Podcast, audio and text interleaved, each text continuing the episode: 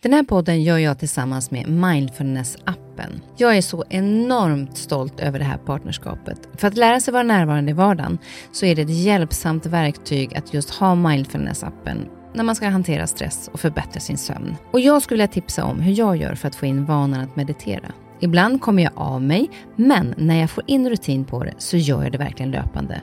Och det jag gör då, det är att jag mediterar samma tid och på samma plats varje dag. Börja hellre med någon minut varje dag istället för en längre stund och kom in i rutinen och öka sen därefter längden på meditationen. Det har i alla fall funkat för mig. Så jag tycker verkligen att ni ska gå in och testa Mindfulness-appen för det finns så mycket att välja på där. Du lyssnar på en podd från Perfect Day. Välkommen till min podd Nyfiken på. Här får jag chansen att möta människor som jag är nyfiken på utifrån deras historia, kunskap eller erfarenheter. Människor som jag inspireras av och förhoppningsvis kan vi med det inspirera er. Och om ni gillar avsnittet får ni jättegärna dela det så fler får chansen att lyssna och det ger mig också möjligheten att få spridning på podden så att jag kan fortsätta länge att bjuda in människor till roliga och intressanta samtal. Glöm inte att du också kan gå in och prenumerera eller följa podden så missar du inte när avsnittet släpps. En av era lyssnares favoriter är tillbaka i podden. Också en av mina favoriter, Anna Tebelius Bodin, som är pedagog, författare och föreläsare med expertis om hjärnan. På poddens nya hemsida, kaspersennyfikenpa.se, så har vi en flik som heter Lyssnarnas favoriter och där hittar ni Anna bland de topp 20. I tidigare avsnitt så har Anna pratat om hjärnan och stress, hjärnan och tankar, hjärnan och inlärning. Idag så är Anna här för att prata om hjärnan och ledarskap, något som hon håller kurser och föreläsningar om. Definitionen av att vara en ledare är enligt Anna den tryggaste i rummet. Hur blir man det? Vad betyder det för de man har runt omkring sig att man är trygg? Hur uppstår konflikter och hur viktigt är det att bli sedd? Allt utifrån hur hjärnan reagerar och våra substanser, för det ger oss konsekvenser och vi kan påverka så mycket mer än vad vi tror, bara vi lär oss mer om vad som gör att vissa substanser utsöndras och påverkar våra beteenden och handlingar. Jag tycker det här är så otroligt spännande, för vi alla är ju ledare på olika sätt. Både på jobbet kanske eh, och hemma såklart, som föräldrar till exempel. Jag har längtat efter att Anna ska komma tillbaka, för jag inspireras enormt och lär mig så mycket av henne. Och Jag hoppas att ni efter den här timmen känner detsamma.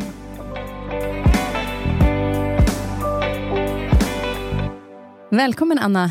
Tack så Alltså mycket. jag är så glad att du är här igen. Tack Kristin. Så älsk- härligt att vara här. Ja, men jag älskar att prata med dig, för jag lär mig ju så mycket varenda gång.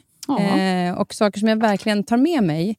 Jag brukar säga till dig att jag inte reflekterar, men du säger att jag reflekterar jättemycket. Ja. Och det kanske jag gör just kring det här ämnet, därför att Ja. jag tycker att det är så oerhört spännande. Men jag kanske reflekterar en del, det gör jag nog. Jag får den känslan. ja. Vi ska prata om eh, ledare och Mm. hjärnan. Och Där pratar du om att ledare ska vara tryggast i gruppen. Är alla ledare trygga? Nej, det är de ju inte. Men vi kan ju få vårt mandat att leda av olika anledningar. Alltså när det står på pappret att det är någon som ska, ska leda så är det ju en, en, en överenskommelse som gör att vi tillåter en att göra det för att det blir kaos annars. Men att få det där förtroendet att leda. Att människor faktiskt litar på en ledare i när, det, när det svajar och när det är konflikt och när det känns osäkert och i förändring. Att det faktiskt finns någon vi tyr oss till och sluter upp kring och ger vårt förtroende. Den typ av ledarskap, där krävs det att du är den tryggaste i rummet för att få. Och Där tycker jag att det är så viktigt, för jag vet vissa arbetsplatser som jag har varit på, som man har, när det har blivit en ny ledare till exempel, för att de är väldigt duktiga i sin produktion eller vad det är, så kan jag känna ibland att det ligger också ett ansvar i att om man sätter någon att vara ledare för en grupp, att se till att den kanske får någon form av utbildning. Bara för att man är duktig på det jobbet man gör, så betyder det inte alltid att man kan leda. Nej, Att det också finns, men, men samtidigt blir man, får man frågan att få vara ledare, Mm. så blir man ju väldigt stolt över det. Ja. Men att, att någon form av intro i ledarskap tycker jag borde vara obligatoriskt. Det kan man tycka. Det är mycket vi tycker i och för sig skulle Ja. vara obligatoriskt för olika Ja, ja. befordringsgrader. Men, ehm, men visst är det så. Alltså att leda är inte någonting som du per definition gör bra bara för att du är, har en expertis. Så är det ju. Mm. Det ser vi exempel på hela tiden. Hur kan man tydligast märka att eh, en ledare inte är trygg? Om vi ser till hur vi människor uppfattar varandra så läser vi av varandra hela tiden. Vi skannar ju varandra för att stämma av. Är det här någon som jag kan lita på? Är det här en person som vill mig väl? Är det någon som har någon dold agenda? Är det någon som jag bondar med? Alltså vi, vi måste ju hela tiden läsa av det hos alla omkring oss eftersom vi hela tiden har ett, ett neurologiskt fokus på att överleva. Och då om en person inte uppfattas som trygg så brukar ju det synas i kroppsspråk och det syns i huruvida de kan fokusera blicken eller om de flackar runt, om de verkar eh, ha hög puls, om det är svettningar, om de måste röra sig väldigt mycket eller om de kan ha ett lugn och kan eh, vara samlade. Så att säga. Det, det är så små detaljer, men bara för att det är små detaljer och väldigt subtilt så betyder det inte att det är svårläst. För vi har väldigt känsliga radar för det här som människor. Och vi plockar upp det lite omedvetet. Ja, ja. Det, alltså, det är ingenting man tänker på, att Nej. vad han står och skakar eller Nej. vad han eh, flackar med blicken. Nej. Utan det är en känsla som man får. Ja. Ja. Men hur, hur blir... Alltså om man tänker då, om man har en grupp, Mm. eh, eller det här gäller ju, nu kommer vi prata kanske rätt mycket om, om arbetssituationen, men det här tycker Mm. jag gäller precis lika mycket i en familj. För att det är ju, en förälder ska ju vara en trygga i, i gruppen. ja. Eh, hur blir gruppen när en ledare är trygg? Alltså om en ledare är trygg så sätter de ju själva klimatet för gruppen. Då betyder det att det finns en, en, en kärna, det finns någonting som vi kan luta oss tillbaka på. Och blir det konflikt, händer det någonting, något oväntat, någonting som ställer till det, någonting som börjar pysa upp som en konflikt. Och det finns en ledare som sätter ramen, som har, det finns konsekvenser, det finns en, en yttre ram då blir det ju ett spelfält för de andra som per definition blir en trygghet. Mm. Men det kan ju också finnas ledare som vill vara den där som sätter ramar och har en tydlighet. Men så snart det bryts på något håll så händer ingenting. Det blir inga konsekvenser, det blir bara ett ja, ja. Och så betyder det för hela resten av gruppen att den där regeln som du satte upp, den gäller inte. Och då skapas ju en otrygghet. Så att det handlar ju inte om vad vi säger, som man brukar säga. Det, handlar ju om vad vi gör. Mm. Och Då blir det också den här, tänker jag, att, att, för det är ju många, vi kommer komma in på lite olika substanser som Mm. automatiskt utsöndras beroende på om vi känner oss stressade, om vi är rädda, blir osäker eller om vi känner ett lugn. Ja. Eh, just hur vi kan hantera vårt fokus och bli mer kreativa Ja. eller under stress tvärtom. Ja. Eh, och Det är väl det också som är skillnaden, att är det en trygg ledare Mm. så känner man ett lugn i gruppen och kan bli mer fokus och Ja. eh, en bättre arbetsplats. Ja, vi har råd att slappna av. Liksom. Ja, Ja. exakt. Ehm, du har sagt att eh, det är ingen professionell rustning som ska på. Tvärtom, bara den tryggaste i rummet vågar. Men det här är väl kanske ett missförstånd som man, eh, eller som jag ofta stöter på i alla fall. När jag pratar om att, att en ledare är den som är tryggast i rummet. Då kan man tolka det som att då måste det vara den där superhjälten, den där som har en ofelaktig eh, yta och som bara är superprofessionell och, och aldrig har några brister. Att, att det är det som gör att man är så supertrygg. Men det är ju ett ganska eh, känsligt skal bara. Och alla omkring ser ju det för vad det, det är. Det, det, det är ju tydligt att det är en roll. Och den där rollen måste man ju då börja analysera. Tänk, vad är det som ligger bakom den? Vad händer om vi börjar skrapa lite på den här ytan? Och vad händer då framförallt med den rollen som är väldigt enkel kanske att upprätthålla när allting är frid och fröjd och allting flyter och siffrorna blir svarta och allting, allting blir, är positivt. Men sen när det börjar skaka och det blir oroligt och någon kanske blir attackerad, eh, alltså i verbalt att tänka att det, att det blir konflikter och saker går snett och fel och det är misstag. Då börjar man ju syna ledarskapet och i det läget då vill vi ha en människa. Vi vill ju inte ha en, en superhero. Liksom. Vi, vi vill ju ha en människa. Och Det betyder ju att vi måste ju hela tiden ha kunnat se den här ledaren som, som en mänsklig figur. Och då finns det ju brister och då finns det en genuin helhet snarare än bara det där polerade. Så att den tryggaste i rummet betyder ju inte att, att man står där som någon superhjälte, utan den tryggaste i rummet betyder att man är, man är så bekväm med vad som än kommer. Jag brukar säga att man är så bekväm även med det obekväma. Att Vi ska komma in på kvar. just den grejen. För Mm. den är, den är, det finns många små utmaningar Ja, i det här eh, ledarskapet. Ja, visst gör det. kring hur vi liksom påverkas av, eh, av hjärnan. Mm. Jag tänkte vi börjar med eh, punkten att ta på sig ansvaret. Och Mm. Ansvar är ju viktigt som ledare, för man är ju ytterst ansvarig. Mm. Eh, sen har man ju olika ansvar i gruppen. Såklart. Mm. Men, men att, att man bär det yttersta ansvaret. Vad betyder det för andra i gruppen att man känner att jag har en som står där och har det yttersta ansvaret Mm. eh, när jag ska göra mina eh, saker som jag har ansvar för? Så att säga. Ja.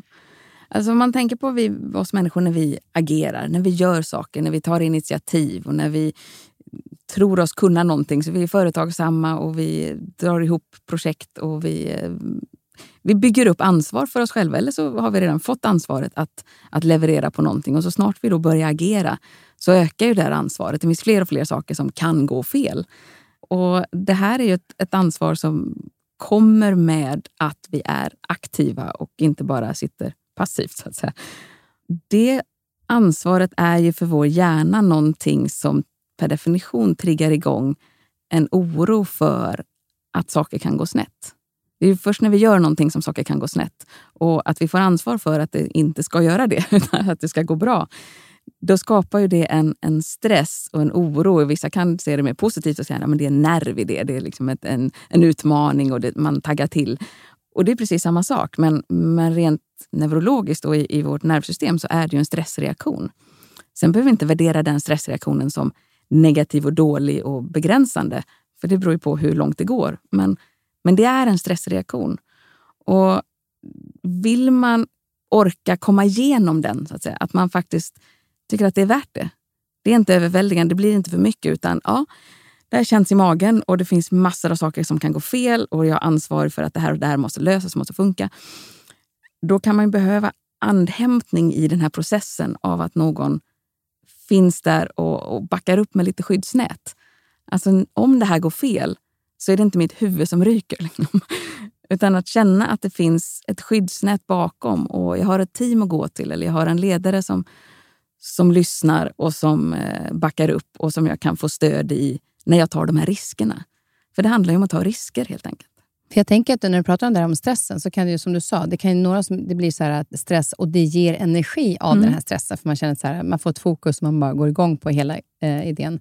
Känner man lite oro så kanske stressen påverkar en på ett annat sätt. Att man säger, Ja. shit, kommer jag klara av det här? Att du blir stressad av den, av den Mm. orsaken. Ja. Påverkar substanserna som orsakas av de här två olika typer av stress, påverkar oss på olika sätt?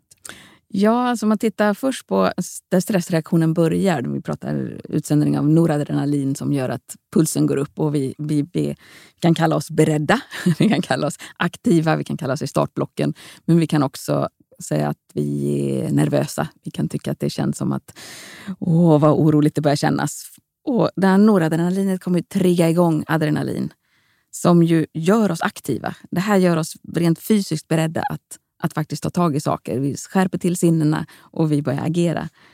Men känner vi då att det här balkar inte hem dit vi vill. Alltså det, här, det här känns oroligt. Det, här, det är för mycket orosmoment kring det. Så börjar ju kortisolet att utsöndras. Och det ska det i och för sig göra. Vi ska ha kortisol för vi kommer inte att klara av någon utmaning överhuvudtaget om vi inte har ett, en ökad nivå av kortisol. Det är ju kroppens sätt att, att rusta oss för, för någon högre, ofta så fysisk påfrestning. Men det ska vi vara medvetna om att hjärnan reagerar ju alltid som att allting vore fysiskt. Fast det är ganska mycket som bara snurrar i vårt huvud. Men, men, ja, men vi är ju fysiska varelser så att det är ju det den reagerar på, att vi kroppsligt ska klara oss ifrån saker. Och det ställer ju ofta till det mentala därför att kortisolet hjälper oss rent fysiskt att vi blir beredda på starkare fysiska utmaningar. Men det adresserar om energin och syret och, i, och sockret i hjärnan. Vilket gör att vi får mindre energi till de där tänkande delarna av hjärnan, till vår pannlob där vi ska ta de här besluten och tänka rationellt och eh, vara analytiska och ha impulskontroll. Och det, där vi kan hitta det där lugnet. Mm. Det får ju inte lika mycket syresatt blod. Och då är vi inte så hjälpta av att kroppen rustar upp och liksom sätter sig i position för att kunna ta strid. Och det är där vi börjar tolka den här kroppsliga känslan som att det här känns inte bra, det här ska jag inte göra och så, så vill man gå därifrån. Men då är det bra om det finns en ledare där som talar om att det här, det här är helt på rätt väg. Det här, eh, det här är det vi ska göra och det kommer att gå bra. Du behöver inte vara orolig för det här och det här. Kör liksom.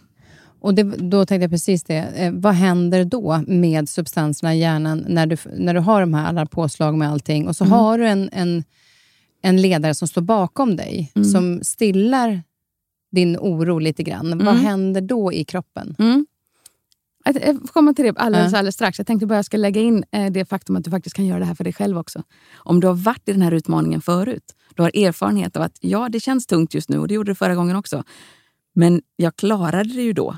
Eller jag har nu vad som krävs för att kunna klara det den här gången. Att du kan ju skapa dig din egen trygghet. Men oavsett om det är du själv som gör det med din tankekraft och så, av reflektera över situationen eller om du har den här trygga ledaren. Så vad som händer är att du kan börja utsöndra oxytocin. Och Det här gör ju att du kan mota bort kortisolet, eller vad ska jag säga, få kortisolet att sjunka av att du istället utsöndrar oxytocin. Och oxytocin är ju, det är ju fantastiskt. Det, är Livets... Uh, livets ge lugn. det ger lugn och trygghet och balans och, och man känner sig hemma. och Det är inte så farligt. Och Det är det som då, om man har den här trygga ledaren vid sidan av, Ja. det är då den hjälper vetskapen om det, eller om man då, eh, lär sig att tänka de här tankarna själv, Ja. så hjälper man att sänka kortisol för att Ja. oxytocinet utsöndras av den, det lugnet som den personen ger ja.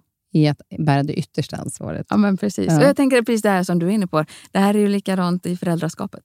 Ja, men exakt. Ja. För, för det är det jag många gånger tänker på, att när, eh, för vi pratade lite grann innan här också.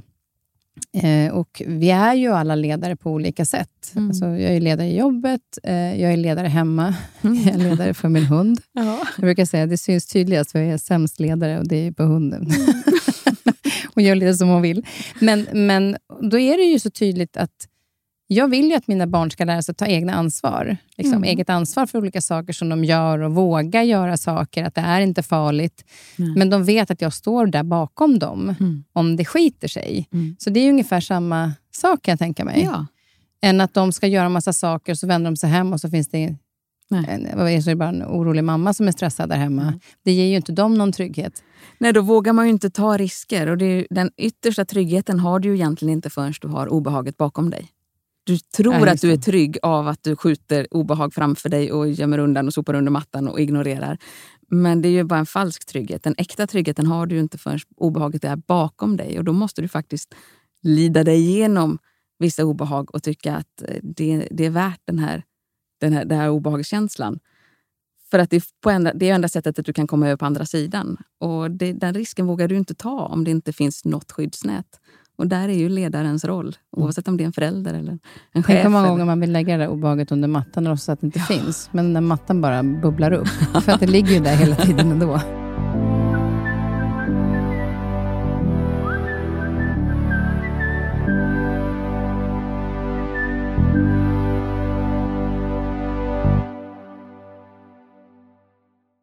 Men om man tänker då att de inte då tar på sig ansvaret som förälder, vad, eller förälder eller ledare eller vem det nu är.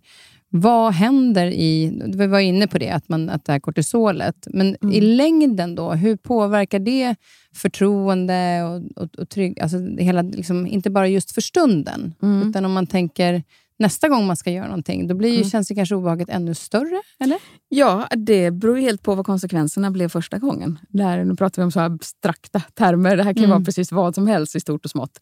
Men att det inte finns ett förtroende, att man inte känner att den som hela strukturen är uppbyggd kring att jag ska lita på, kan jag inte lita på.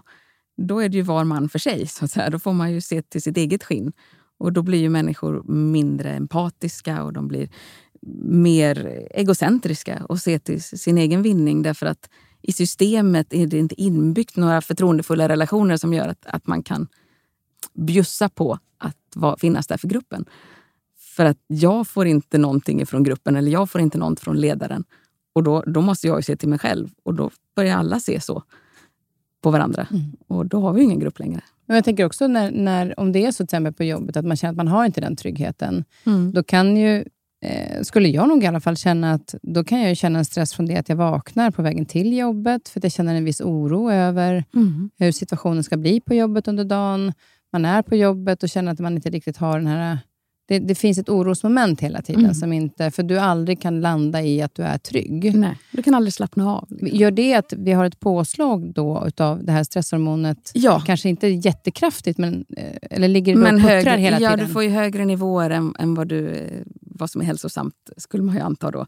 Att man hela tiden har högre nivåer av framförallt kortisol är det som blir nedbrytande till slut. Mm. Och Därför där vet att jag du måste har- vara på din vakt. Liksom. Precis, och där vet jag att vi har pratat om tidigare avsnitt. Eh, För er som inte har lyssnat så är det här fjärde Mm. gången som Anna är med. så det finns eh, flera avsnitt att lyssna på tidigare. Ja. Men där pratade vi bland annat om det här med att när kortisolet ligger för högt för länge så Mm. kommer det liksom aldrig ner riktigt till den nivån det ska. Nej. Det är därför det är viktigt att se till att man utsöndrar oxytocin och att man också landar i Mm. eh, efter en stress. Ja. Eh, var det på savannen? Då, eh, var, var det du eller någon läste någonstans att man, hade man varit ute på en, en jakt och ökat stresshormonet eh, i, i fem minuter eller tio Mm. minuter, så låg man och vila i två dagar Ja. typ, för att återhämta sig. Ja. Det, det gör vi ju inte idag, utan vi Nej. har ju olika stressmoment som kommer hela tiden.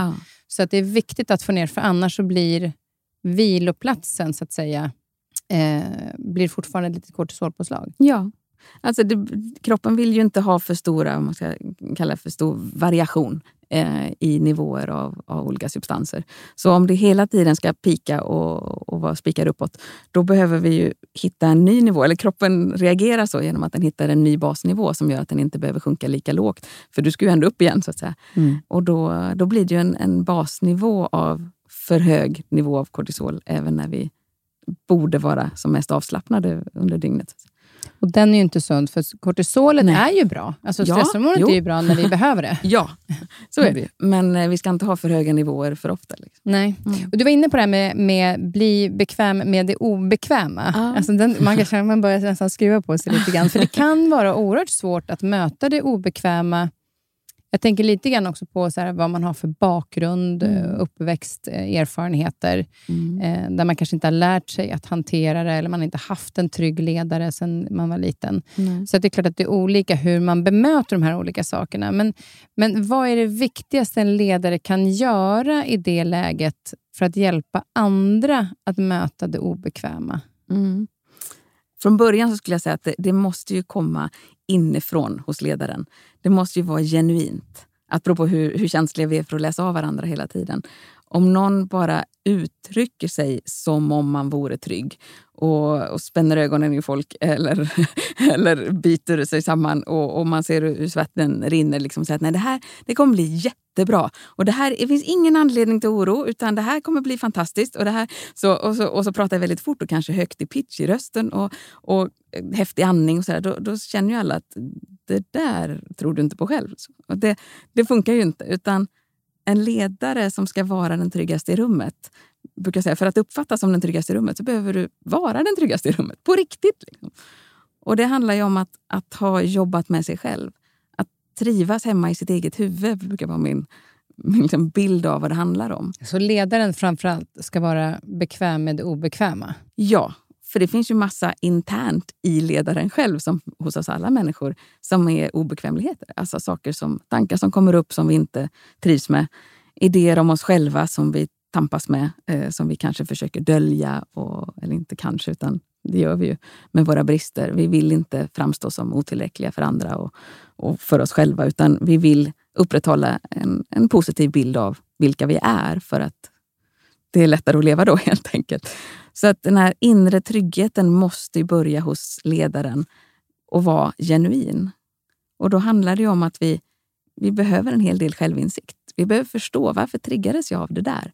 Varför tryckte det på mina knappar? Vad, vad är det hos den där personen som eh, får mig att reagera? Och Var kommer det ifrån? Och kan jag då se vad det är så kan jag också titta på det ur ett, ur ett annat perspektiv.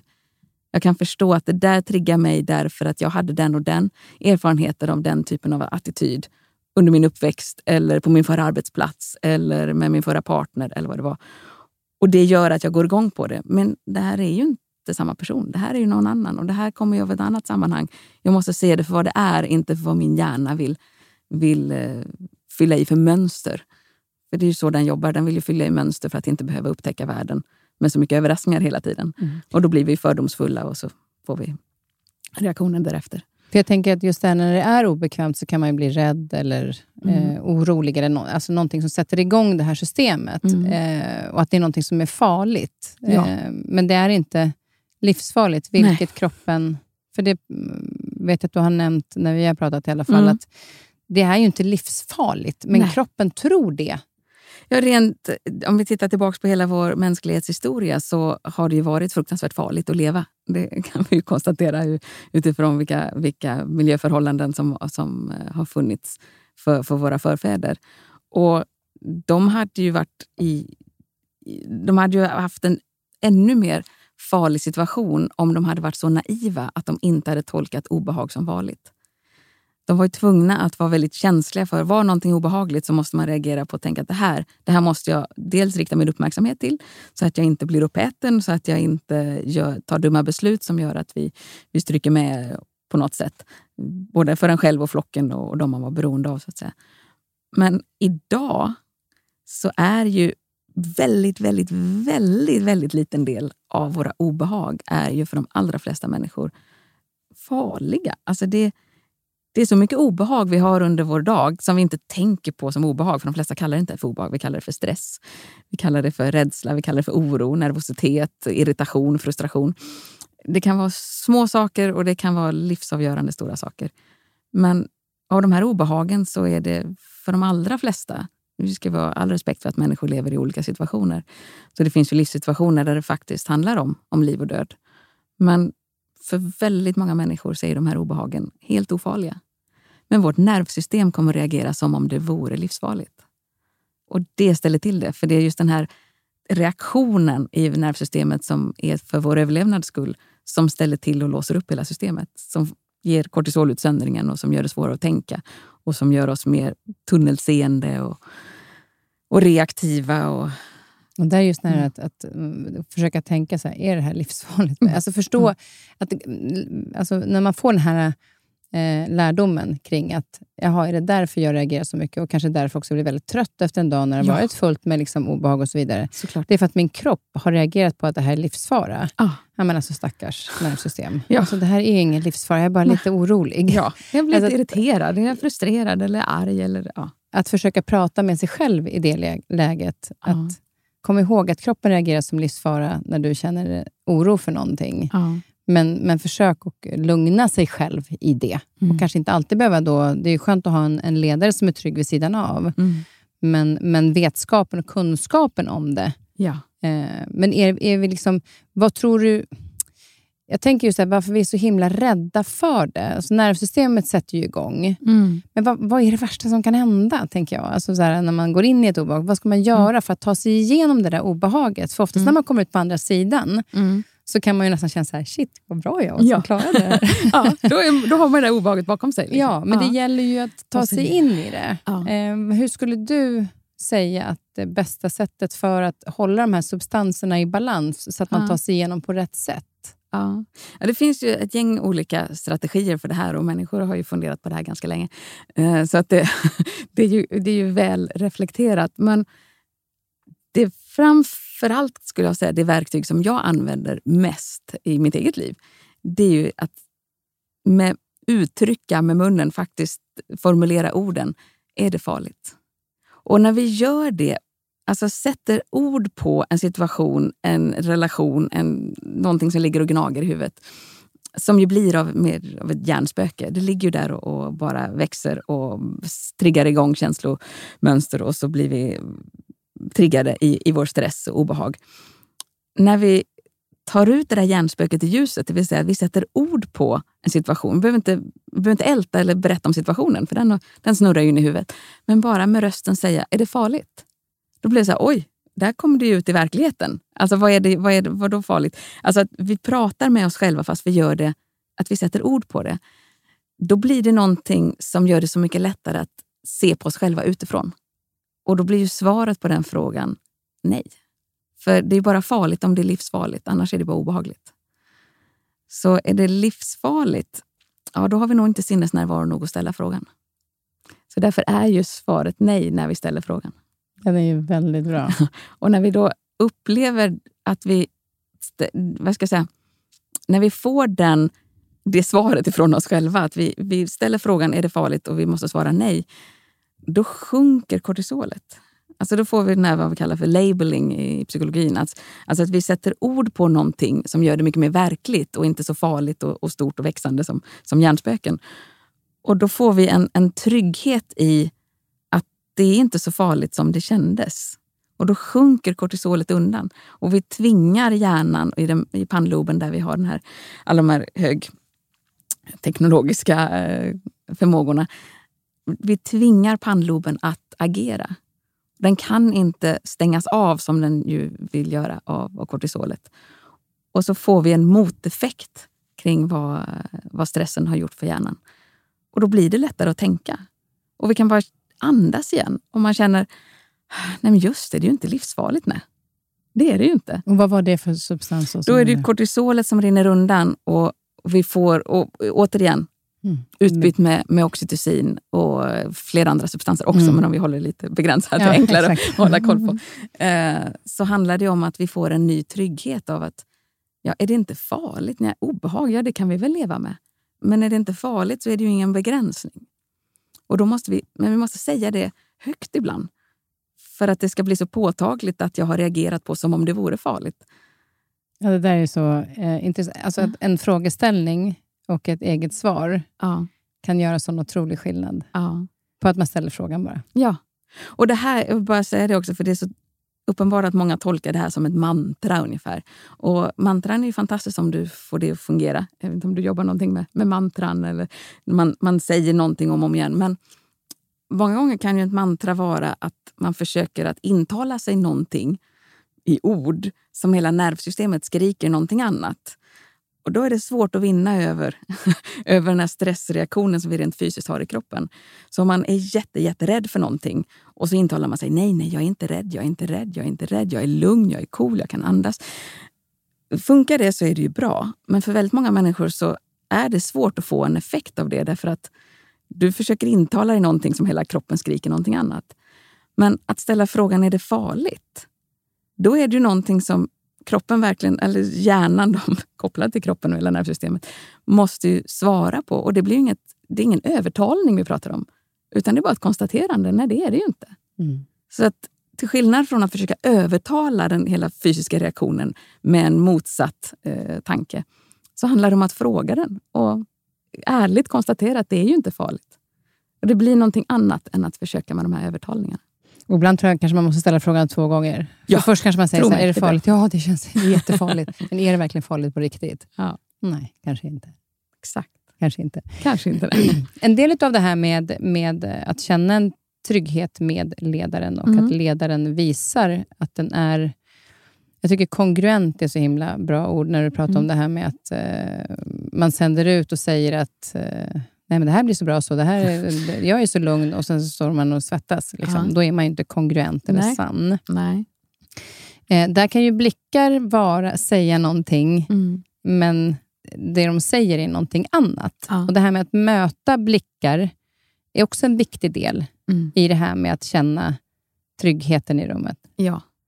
På, alltså hur många olika, alltså vi har ju rätt många olika former av blickar, eller? Ja, ja visst har vi det. Ja. Det tror jag ja. vi alla har känt av på så många sätt. Men en grundprincip, om du är en kommunikatör av något slag, vilket ju en ledare bör vara, bör kunna kommunicera, det ligger väldigt mycket i kommunikationen. En kommunikation och ett kroppsspråk och en röst och en blick bör ju riktas åt samma håll. För att det ska kännas genuint för att veta att människan har sin uppmärksamhet mot mig. Om jag är mottagare av den här kommunikationen. Att uppmärksamheten är riktad till mig.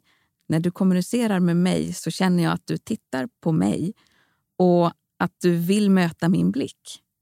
Därför att du är intresserad av hur jag tar emot det här. Då, har, då får vi en, en, en, en, koppling och ett, ett bond som gör att, att jag känner en större förtroende för dig. Men om du kommunicerar någonting och vill få mig i en trygg situation och du vill få mig med på tåget, vad det nu kan vara för någonting. Och eh, kanske presentera någonting som känns ganska nervöst, oroligt. Jag vet inte vad det kommer innebära för mig och jag känner att det här, det här känns svajigt. Och du samtidigt tittar bort eller du tittar på din egen powerpoint eller du, du tittar ner i golvet eller så. Då, då känner jag att okej, du vill få mig trygg, men du har inte mod nog att titta mig i ansiktet på hur jag reagerar på det här. Det här är ju inte något vi medvetet formulerar av tankar i huvudet, men det är ju en av de här sakerna vi läser av hos varandra. Jag tänker, där är också en sån grej att när det handlar om obehag, Mm. att någon kanske säger någonting som kan vara jobbigt att säga. Ja. Eh, det kan ju handla om... Eh, jag tänkte när man, folk som gör slut på telefon. Det kanske är lättare för att slippa man titta dem i ögonen. Ja. För att det är obehagligt och vi vill Ja. inte möta det obehagliga. Och där kan man ju verkligen fråga sig, är det livsfarligt? Eh, I största sannolikhet så är det ju inte Nej. det. Att säga någonting som är obehagligt till någon på en arbetsplats eller liksom till sina barn, även om man tycker att det är jobbigt att säga det. Mm. Nej, obehagligt kan det absolut vara. Ja, men då gäller det att möta det obehaget genom Ja. att säga, är det här farligt? Mm. Nej, det är bara lite obehagligt. Ja. Jag ska ta mig igenom där och Ja. fortsätta att titta. Ja. Men där kan man också säga att, att inte få blickar, då, som du pratade om, Mm. den kan ju också föda massa olika eh, känslor hos människor. Ja. Eh, även om man bara möts ute på... Eh, jag kan tycka att det är så härligt om man möter någon... Alltså, härligt ska, nu, ska jag säga, nu ska jag vara sann här. Ja, men jag tror att jag, jag har tagit upp det flera gånger när jag gick på Djurgårdskanalen när, när det var pandemi. Mm. Och Jag fick en blick, och då fick vi gå så långt ifrån varandra. Ja. Och så fick man en blick och ett leende. Alltså jag kände ju som att det var en kram. Ja. Samtidigt så ska jag ju villigt erkänna att ibland när jag är ute på restaurang och någon möter mig med blicken, att jag kan tycka att det är lite jobbigt. Att antingen att de har känt igen mig, Ja. tror jag, Ja. antar saker. Ja. Eh, så att jag vänder mig bort. Mm. Det, jag kan ju upplevas som en jävla dryg person också. Vilket jag inte tänkt på. Nej. Att när jag vänder bort blicken på det här sättet så är det inte så sympatiskt. Nej, och du gör det för din skull. För att du söker tryggheten som vi ju alla gör. Ja, du, och du ibland obekväm, faktiskt liksom. har jag tänkt, fast det har jag faktiskt ingen aning om. Det är ju Mm. antaganden. Mm. Eh, assumption is the mother of all fuck-ups, som jag brukar säga. Att jag tänker att vad jobbigt för den personen att de ser att, jag, att de har känt igen mig. Så jag låtsas som att de, jag inte har sett det. Du Förstår du? tycker att det är... Nej, men om, om någon tittar på mig Mm. säger för att de känner igen mig, ja. vilket jag tror att det är därför de tittar, Ja. vilket det absolut inte behöver vara. Nej, men du utgår Eh, ifrån det. Liksom. ja. Och Då kan jag ibland liksom så här, att låtsas som att de inte möter mig med blicken, för att jag vill inte att de ska tycka att det är jobbigt att de, jag kommer på att de står och tittar på mig. Ja, förstår. Förstår? Mm. Men där är ju för sig en annan grej, att de står och tittar eller om de ler med blicken. Ja. Alltså, det är ju en, en ganska stor skillnad. Ja. Men det är ju också det här att, att men också inte möta med blicken. Mm. Där tycker jag någonstans att ibland när jag har pratat med mina barn, Mm. så har vi suttit i bilen och åkt. Och Mm. där tycker jag att många gånger så kommer det upp jättebra samtal Mm. som kanske skulle kunna varit obehagliga, men som blir väldigt bra för Mm. att vi inte tittar på varandra. Ja. Hur kommer det sig? Alltså att du tittar någon i ögonen när vi pratar om tuffa saker. Eh, särskilt när det är någonting som kan vara anklagande eller när det är något som konflikt. Så, då förstärker ju, alltså en blick förstärker ju det som sägs. Och känns det negativt då så blir det ju en negativ förstärkning. Alltså det, det tar hårdare och man känner sig mer hotad av att någon samtidigt spänner ögonen i en förstås. Eh, sen kan vi titta på varandra på väldigt olika sätt förstås. Men om man har ett positivt budskap, om det är en, en, något stärkande, om man tittar varandra i ögonen, så blir det ju en förstärkt positiv effekt. Men jag skulle vilja vända på det och se vad är, vad är agendan bakom? För det är alltid det vi människor försöker läsa av. Vi vill ju veta vad är intentionen bakom? Vad är det som, vad är det som inte sägs här? Vad är det som försiggår i huvudet på den som kommunicerar med mig? Och om vi tror att det finns något att dölja, om vi tror att de säger en sak och egentligen upplever själva någonting annat, då är det ju någonting som de vill pracka på mig. De vill, vill att jag ska känna mig trygg, fast det är egentligen ingen trygg situation. Så det är en sak att man sitter i en bil och tittar framåt åt båda, alltså att man inte möter blickarna och kan på det sättet slappna av i att inte behöva läsa av varandra. Utan ja, men det är lättare att föra ett samtal. Medan det är en annan sak att i ett mötesrum, när man inte möter blicken, då handlar det mest om att undvika blicken. Varför vill någon undvika blicken? Mm. Alltså då ser vi att det, det finns en intention bakom det som vi värderar när någon vill undvika ja, blicken. När det handlar om att undvika, ja. Ja. Mm. Och det är det vi läser in. Så det är inte själva ögonkontakten alltid i sig, utan det är vad det innebär att tvärtom inte vilja ha ögonkontakt. Vad är det som gör att den människan är för orolig för att våga möta min blick? För att blickar kan ju också eh, förstärka en situation som den andra kanske inte vill förstärka. Alltså Mm. säga att man eh, har haft det jobbigt eh, och vill, ty, tycker lite synd om sig själv och undrar om saker. Då vill ju inte jag att den som sitter mitt emot mig ska sitta sen, åh, nej. Alltså, så här. För Nej. då blir ju min känsla ännu större. Ja. Och då tar jag in värderingar från den andra om Mm. min händelse. Istället för att låta min händelse vara min Mm. och min känsla vara min. Mm. Men jag vill ändå prata om den. Förstår du vad jag menar? Ja. Alltså, fint uttryckt. Ja, jag, kan, jag förstår precis vad du menar. För Mm. där är ju ofta sådana samtal. När det är glädje, då är det ju, liksom, då är det en annan sak. Men när det Mm. är någonting som kanske är lite tufft, då vill inte jag känna hur den personen värderar Nej. min känsla, utan den är min. Mm. Och Då kan jag tycka att det är skönt att prata i en bil. Ja. För då får den ju vara där. Ja. Jag har bara någon som lyssnar. Ja, men absolut. Och det är ju... Vi, vi ska ju säga det också, att det här med ögonkontakt är ju en, jättestor fråga egentligen. För det finns ju också människor som... som eh, det tar alldeles för stor kognitiv belastning, som vi kallar det för. Alltså att eh, det tar för mycket kapacitet av hjärnan att läsa av när man möts av blickar. Att, att man måste... I, I samhället så är det, ju, är det ju eh, en värdering i den kultur vi lever i, här i alla fall, att vi ska se varandra i ögonen. Och är det människor då som av olika anledningar inte klarar av det eller har neurologiska förutsättningar som gör att det, det är för belastande för hjärnan, då är det ju förstås inte ett trygghetstecken att någon hela tiden försöker söka ens blick, Mm. utan då är det bara ett, ett stressmoment förstås. Så, så vi har ju en, en, en variation där också. Men återigen, det handlar egentligen inte om vikten av att möta blicken. Det handlar om att vi inte upplever att ledaren, eller vem det nu är som kommunicerar med oss, försöker dölja någonting. Eller har en, en skillnad i vad de uttrycker och vad de faktiskt inre känner.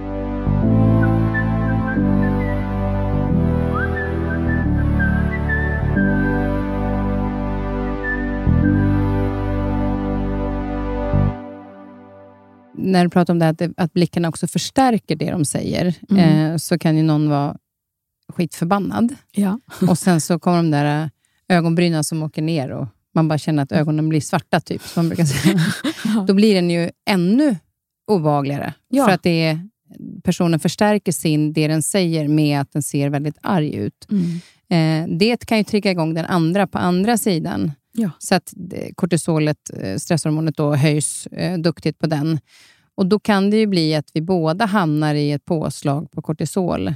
Ja, det är Eh. väl väldigt ofta konsekvensen att det blir så. Ja. Exakt. Mm. Eh, Kommer man fram till bra lösningar då, tror du? Eller? Tänker jag skulle inte gissa att det, att det är då de där snilleblixtarna kommer. Utan då handlar det om bara om att kasta kortisol på varandra. Alltså då, då är vi ju i låsta positioner. Vi är båda marinerade i kortisol och begränsad kapacitet i våra pannlober där vi har den här empatin, där vi har möjlighet att ta mottagarperspektivet, där vi kan hitta samstämmighet och samhörighet. Alltså den kapaciteten i hjärnan är ju den som är begränsad av kortisolet. Vilket gör att vi, vi ser till oss själva och vi, vill, vi söker desperat efter trygghet. Det är ju det vi gör när vi är, när vi är marinerade i, i den här stressreaktionen. Och att söka trygghet kan vi göra genom att eh, vi skyller på andra. Vi skyller på varandra. Att det är ditt fel, det är jag som är offer i den här situationen. Och Varför du, ger det oss trygghet? Därför att om du är offer, då kan man tycka att det är väldigt otryggt att vara offer. Men alternativet är ju att vara förövaren. Mm. Och då står du med ansvar. Och det är det vi är så rädda för, att vara ansvariga. Så att, att vara offer, då har man ju händerna fria. Liksom. Då, då är det inte mitt fel. Då är jag bara utsatt här. Och så drar man på sig den här offerkoftan och det är så synd om just mig. Och det är ju för många människor kanske den enda vägen till trygghet. De litar inte på att de hittar tryggheten på något annat sätt än att dra på sig offerkoftan. Och om Den- två människor i en konflikt som- gör det så blir det ju väldigt Exakt. Låst. Och det är väldigt många som har svårt att ta av sig den där offerkoftan sen när de tycker att det funkar. Ja, ja så, så är det ju. Så kan det vara. Men just det här då, att vad, vad, vad kan man göra i en sån situation? När man märker att så här, nu har vi det är en låst situation här, för att nu är vi så arga, Mm, båda två, i Mm. den här konflikten. mm, För att lösa en konflikt mm. så är det ju inte så bra att vi båda är fulla av kortisol. Nej. Eh, när är det som oftast att vi kan lösa konflikter? Återigen så är det ju när vi, när vi trivs hemma i vårt eget huvud, vilket vi oftast inte gör i den situationen. Det är inte våra proudest moments när vi, Nej. när vi är sådär uppstressade och uppjagade. Men att hitta hitta det där lugnet, att ha en plats att komma tillbaka till i sig själv. Där jag är inte bara ett karbonpapper av min omgivning, där jag hela tiden är reaktiv mot allting omkring mig. För det är ett jättekänsligt system som gör att du kommer att, att kastas mellan känslotillstånd hela tiden, som är väldigt utmattande. Men att du har ett, en trygghet i dig själv. Återigen, att du kan uppleva dig som den tryggaste i rummet. Det är inte bara positivt för att, för att vara ledare att göra det, utan för var och en av oss. Vi är alla ledare i våra egna liv. Så att vi kan hitta den här punkten vi känner att men jag har ju ett hemma hos mig själv och inne i mitt eget huvud. Att jag kan tänka mina egna tankar och, och trivas med att höra dem. Kan vi hitta den platsen så kan vi lättare komma åt våra reflektioner och inte bara gå i, i reaktivt tillstånd mot, mot, omgivningen. Utan faktiskt reflektera över någonting och välja olika perspektiv. Kan man, kan man också då säga så här, vet du vad, jag tycker att vi eh, andas en stund och tar det här imorgon. Mm. För att just nu så ser vi inte klart någon av oss. Mm. Det är ju stort att kunna göra det. Om, om, om man, ja, om man klarar av det. Ja. Den andra kanske blir jätteirriterad för att man säger ja. så också. Ja, så men, men för att någonstans försöka få ner de här mm. stresshormonerna eh, och kanske börja prata i normalt tillstånd. I ett lugnare tillstånd. Ja, men verkligen. Och Det är då vi får tillgång till hjärnan, att den kan tänka mer mer empatiskt och mer analytiskt och, och se det i större perspektiv och förstå att det är ju inte farligt. Vi har ju hela den här reaktionen för att vi tror att det är farligt. Och vad vi sen kan göra när vi kommit ner i, i aggressioner, frustration och allt det när det börjar lägga sig, då kan vi tänka den här tanken som vi inte kommer på i, i det tillståndet annars. Att motparten, den vi är i konflikt med och den vi bråkar med, eller vad det kan vara, den vill ju bara överleva. Mm. De vill ju bara överleva. Och Det är ju samma för oss allihopa, för vår hjärna är funtad så. Liksom. De vill ju bara överleva. Så oavsett vad det är de gör så gör de det för att de tror att det hjälper dem själva att överleva. Och Då brukar jag ha den här tanken att dels försöka påminna mig om det, att den här personen söker bara sin trygghet. I det här fallet ganska desperat, men ändå söker efter sin trygghet. Och att då förstå att vad den människan vill, det är inte, den vill inte mig illa, utan den vill sig själv väl. Och då handlar det inte längre om mig och då är inte jag under attack. Utan då kan jag vara stor nog att förstå att jag kanske kan göra andra saker som får den människan att känna sig mer trygg. Som gör att de inte behöver så desperat söka efter trygghet som gör att det blir konflikt med mig.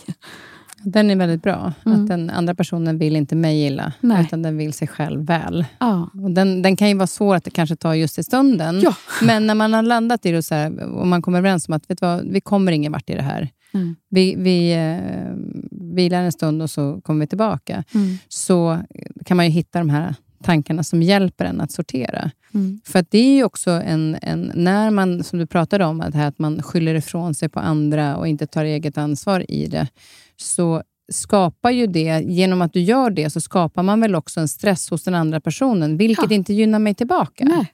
Du gör den andra personen ännu mer osäker, för du säger att det är den personens fel och de ska känna skuld och skam. Och Det är bland de absolut tyngsta känslorna vi har, att känna skuld och skam. Så att det, vi vill ju kasta det på någon annan för att slippa det själva. Liksom. Men jag tänker att det kommer ju tillbaka då. Ja, det, ja, det gör ju det. Ju. Ja, det studsar ju. Helt korrekt. Så är det ju. Ingen idé att göra det.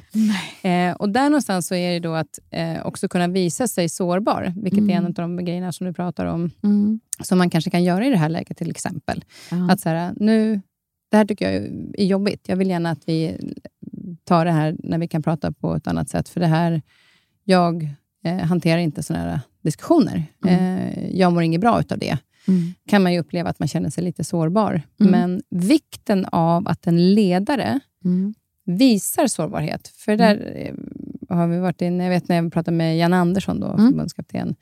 Han sa ju väldigt påtagligt vid ett tillfälle där han hade visat laget en sårbarhet. Där han bara kände så här, jag vet inte vad vi ska göra åt den här situationen. Vi får mm. liksom gå ihop om det här. Har ni mm. några idéer? Mm. Varav hela liksom, teamet steppar in. Mm. Eh, vad betyder det att en ledare visar sårbarhet?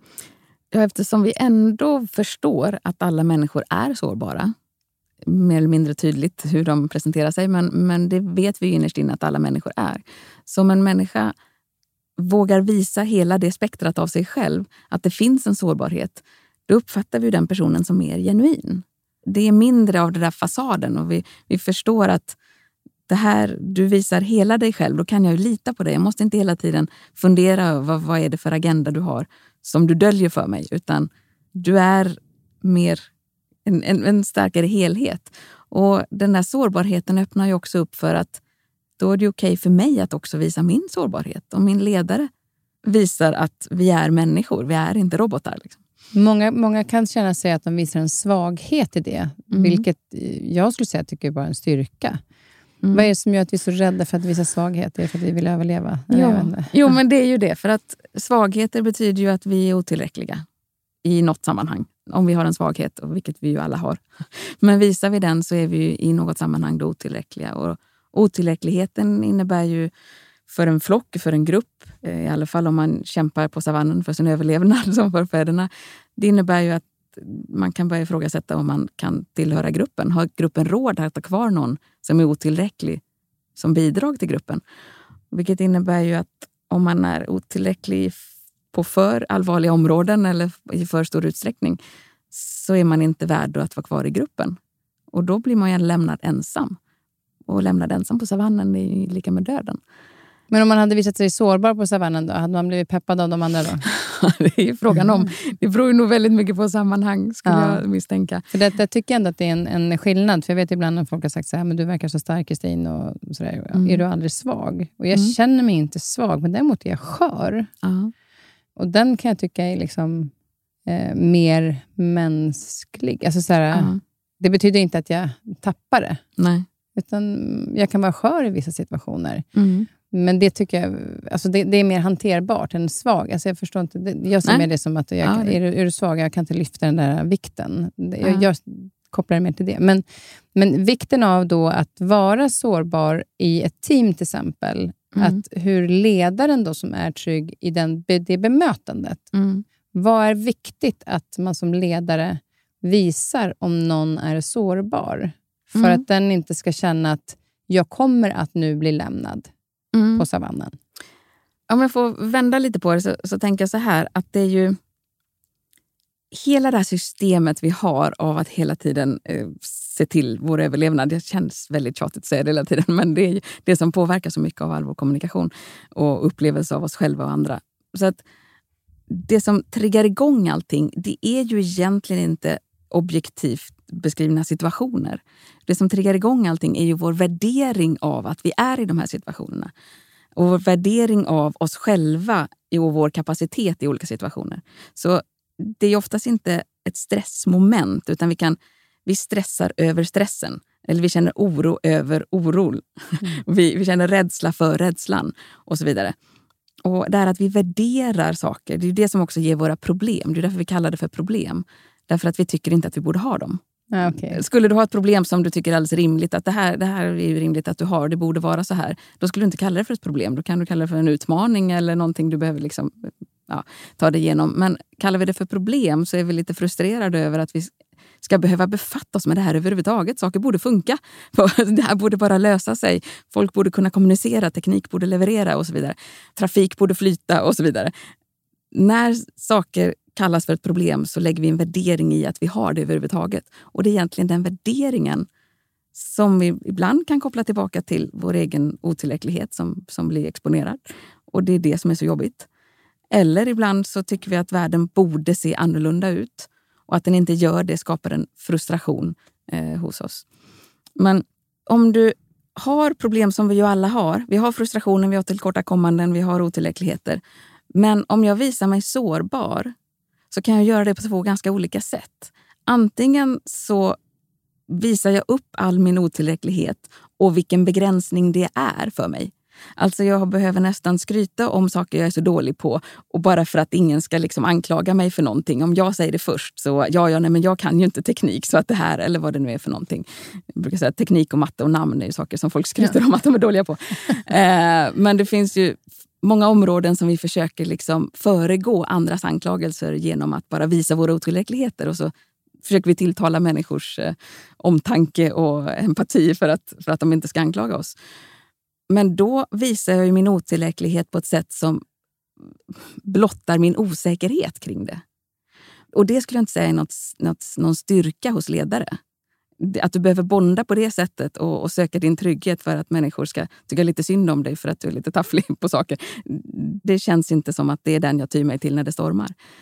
Men ett helt annat sätt att visa sårbarhet på, det är ju att vara öppen med att här, har jag, här är jag begränsad. Här kan jag inte, jag kan inte lösa den här situationen. Det här har jag inte på mina fem fingrar. Liksom. Jag har inte varit med om det här tidigare.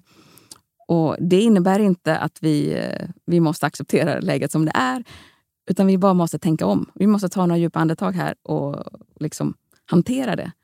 Så att, att jag öppet visar min egen hantering av mina egna brister det kan göras på så olika sätt. Och gör jag det på att visa att åh snälla bekräfta mig, visa, ge mig den tryggheten som jag saknar, äh, då är sårbarheten inte någon, någon styrka. Men visar jag att det här är en del av mig, jag är inte perfekt. Det behöver vi hantera på något sätt. Och inte visa sig rädd för sin egen rädsla. Och är det då då är sårbarheten att, stärkande. Och ledaren säger så här, det är okej. Okay. Ja. Vad behöver du? Ja, när det, att, precis. För att ja. känna att vi kan stärka dig i det här. Ja. Eller så att du kan stärka dig själv i det här. Ja. För det är väl någonstans det man ska göra, andra ska inte. Men, men man kan hjälpa till att du kan stärka dig i den här situationen. Är det lyssnandet då som är det viktigaste och förståelsen för att det är okej okay att känna sig sårbar? Det kan det ju vara. I vissa situationer är det ju definitivt det. För i den situationen ska vi också vara medvetna om att när människor är så oroliga, rädda, de känner att det skakar under fötterna, de, det är förändring eh, och de känner sig otrygga.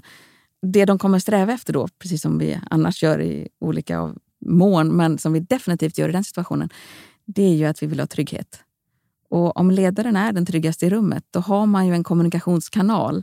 Att du har visat dig vara en trygg person när det inte stormar.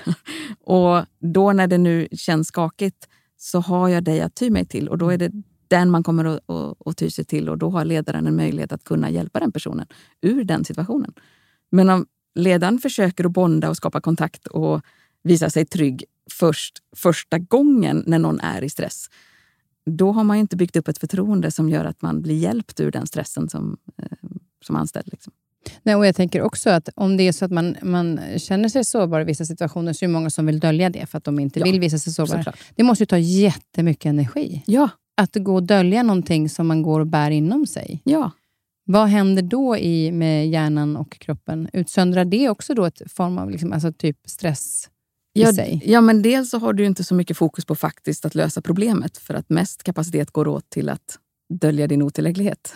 Och där är vi ju, där är vi ju alla ibland. Alltså så är det ju. Det, det, är för farligt att, att visa den här otillräckligheten, tror vi. Eller det är så vi reaktivt reagerar. Men om vi återigen kan hitta den här platsen i oss själva där vi faktiskt kan reflektera och ta, få lite perspektiv på tillvaron så kan vi inse att det är inte farligt att jag är otillräcklig här. Jag har inte koll på allt och det, det är okej. Okay. Jag och alla andra har de här otillräckligheterna. Liksom. Mm. Uh, och, och, jag vill lära mig. Och jag vill lära mig, ja. precis. Uh, I det här då, som vi pratat igen just med sårbarheten så handlar det också om att synas. Mm. alltså att man blir sedd i sin sårbarhet eller på andra sätt. Mm. Att få en form av bekräftelse. Mm. Hur viktigt är det att bli sedd av en ledare till exempel? Och vad mm. händer med hjärnan och substanserna när vi blir det? Mm. Om vi tänker att det, vad vi varit inne på tidigare, det är med det här oxytocinet. Alltså att vi, att vi bondar och känner en trygghet och känner en ingrupp och en, en förtrolighet och ett lugn och en bekantskap. Och gemenskap och empati och alla de här härliga fina känslorna. Det är vad oxytocinet lägger grunden för. Men jag skulle säga att det är inte riktigt tillräckligt för att få ett team att sen börja fungera och kunna leverera. Det behövs en nivå till i relationen för att vi ska ha riktigt starka relationer. Och där kommer den här bekräftelsen in. Och där kan vi se också att oxytocin, rent neurobiokemiskt, eh, så kommer det att trigga serotonin. Och Vad gör serotoninet med Serotoninet har den effekten på oss att vi känner eh, man säger humörsreglerande, brukar vi kalla det för. Att, att det, det, det svajar inte lika mycket. Vi känner att vi har lite mer stabilitet under fötterna. Och Kommer vi på högre nivåer så kan vi känna oss stolta och sedda och bekräftade. Och riktigt höga nivåer så pratar vi att vi känner oss förälskade och att vi är så oerhört bekräftade. Det är den kanske optimala formen av bekräftelse, att, att vara en, en lycklig förälskelse. Att, att man är så oerhört tillräcklig. Om man kan hårdra det på det sättet. Och det är ju när, när serotoninet får den här lyckokänslan i oss. Att vi har betydelse för andra människor. Vi är en del av någonting. Vi känner visst gemenskap och det vi får av den här grundläggande tryggheten. Men också att i den här gemenskapen så är jag en viktig funktion. Alltså jag är saknad när jag inte är här. Och när jag är här så är jag sedd och det jag gör märks. Och jag har en betydelse, jag har en, en plats i den här gruppen. Det är inte bara en trygg grupp som en, som en yttre ring, liksom, utan det är ett maskineri där jag ingår. Och det är ju det som stärker relationer. Och det är det en, en ledare kan vara med och bygga upp genom att skapa den här grundläggande tryggheten. Men också få individerna i den här gruppen att känna sig enskilt bekräftade i hur viktiga de är individuellt. Liksom. Jag tänker, vi är ju ofta väldigt... Alltså många är ju bra på att bekräfta andra. Mm. Eh, och Många har en förmåga att väldigt gärna vill, vilja synas. Ja, så är det förstås. Eh, som ja. gör allt för att synas, för att man har ett enormt bekräftelsebehov. Mm. Kan man inte också utsöndra... Nu säger inte jag att man inte ska få bekräftelse av sin ledare eller mm. de runt omkring. Men är det inte också viktigt att bekräfta sig själv? Kan jag inte då öka serotoninet också? Jo. För att det kanske inte alltid är så att folk är alerta och, och kan peppa och Nej. ser dig just när du behöver det. Nej. Så vad betyder det att man också kan se sig själv och synas i mitt hem? Mm. Alltså se mig själv i mitt lilla hem här inne. Ja. Det är återigen kopplat tillbaka, nu jag tjatar om flera saker flera gånger nu, men, men det där att backa tillbaka, att trivas hemma i sitt eget huvud. Att ha den platsen, att känna sig som någon som faktiskt observerar att livet utanför, framför ögonen, det är det som jag är en person som observerar. Jag är inte någonting som bara är summan av allt omkring mig, utan jag är en person och jag har mina tankar och jag kan orka lyssna på dem. gör ju att jag blir någon som kan trivas med mig själv och bygga upp en, en stolthet och ett mod och kraft inom mig. För att jag är en person som känner mig värd det. Liksom. Och när jag inte känner mig värd det, då har jag fortfarande samma behov. Som, vi har ju behov av alla de här substanserna, så att vi kommer ju söka det då på negativa sätt. Om jag inom mig inte känner att jag kan leva upp till den bild jag skulle vilja ha av mig själv, så behöver jag kompensera det med att få den här bekräftelsen från alla andra. Men om jag känner att men jag vet att eh, jag är en härlig person alltså, och kan ge mig den, den bekräftelsen själv, då är jag ju mindre beroende av att få den bekräftelsen från andra. Och Då blir jag troligen också en härligare person för andra att umgås med. För det blir inte så ängsligt, det blir inte så skört och hela tiden behovet av att, att andra ska bekräfta mig. Vilket ju kan vara jobbigt nog, men sen kan det gå ännu längre. Att jag behöver då trycka ner andra till och med för att relativt sett höja mig själv. Och Det kan jag uppleva att man behöver inte ens trycka ner någon annan, utan det gäller med att, att de inte ser någon annan. Alltså Nej, exakt. Att, ja, det är illa att om man gör en prestation, eh, så alla peppar, men, men om någon gör någonting som är bra, mm. så vill den inte ens kommentera det. Nej. För att då Är det då att de känner själva att de sänker sig själva? Ja, då har vi det här hierarkitänkandet som, som vi också är, är fostrade sedan urminnes tider i mänsklighetens historia av att vi, vi lever i någon typ av hierarki. Vi måste rang, vi rangordna varandra i överlevnadssannolikhet, om man säger hur, stup, hur högt vi är i den här gruppen, eh, flocken vi befinner oss. Och höjer vi då någon i den sociala statusen eller i prestationen så, så är det en, en reflexmässig tanke hos många att vi då per definition sänker oss själva, för att det är en hierarki.